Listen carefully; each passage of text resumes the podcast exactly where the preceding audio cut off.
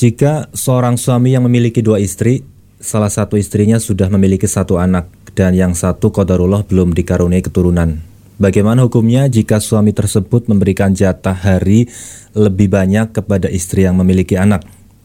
Dengan alasan, istri tersebut kerepotan mengurus anak sendirian. Dalam seminggu istri yang memiliki anak diberikan jatah empat malam dan istri yang satunya hanya tiga malam. Padahal sebelumnya bergantian. Minggu pertama istri pertama dapat jatah empat malam, istri kedua tiga malam. Lalu minggu kedua sebaliknya.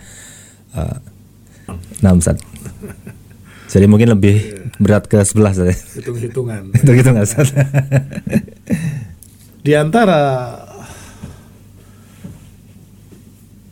istri-istri Rasulullah Shallallahu Alaihi Wasallam dan juga istri-istri para sahabat ada yang memiliki anak, walaupun memang tidak ada yang sampai besar ya. Uh, Allah takdirkan memang semuanya meninggal, memang itulah yang Allah kehendaki agar tidak ada orang-orang yang mengaku bahwa aku adalah turunan Nabi Shallallahu Alaihi Wasallam. Tetapi saya tidak pernah mendengar riwayat kalau kemudian dibedakan giliran harinya Barakallahu fikum. Mungkin perlu catatan bahwasanya yang dibagi itu adalah bermalam.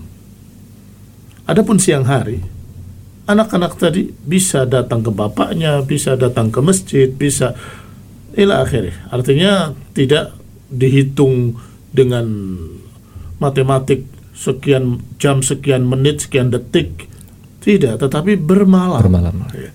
Memang kalau disunahkan Rasulullah SAW berpindah dari satu istri ke istri lainnya adalah setelah asar sebelum maghrib. Tetapi tetap hitungannya yang asal adalah bermalamnya. Barakallahu fikum. Sehingga kalau memang ternyata sibuk dan sebagainya, siang hari. Setelah itu mungkin sudah sore anak-anak sudah duduk belajar atau sudah mulai istirahat, kamu pergi ke istri yang lain barakallahu fikum sehingga tidak perlu sesampai merubah giliran bermalamnya. Nah, Wallahu taala a'lam.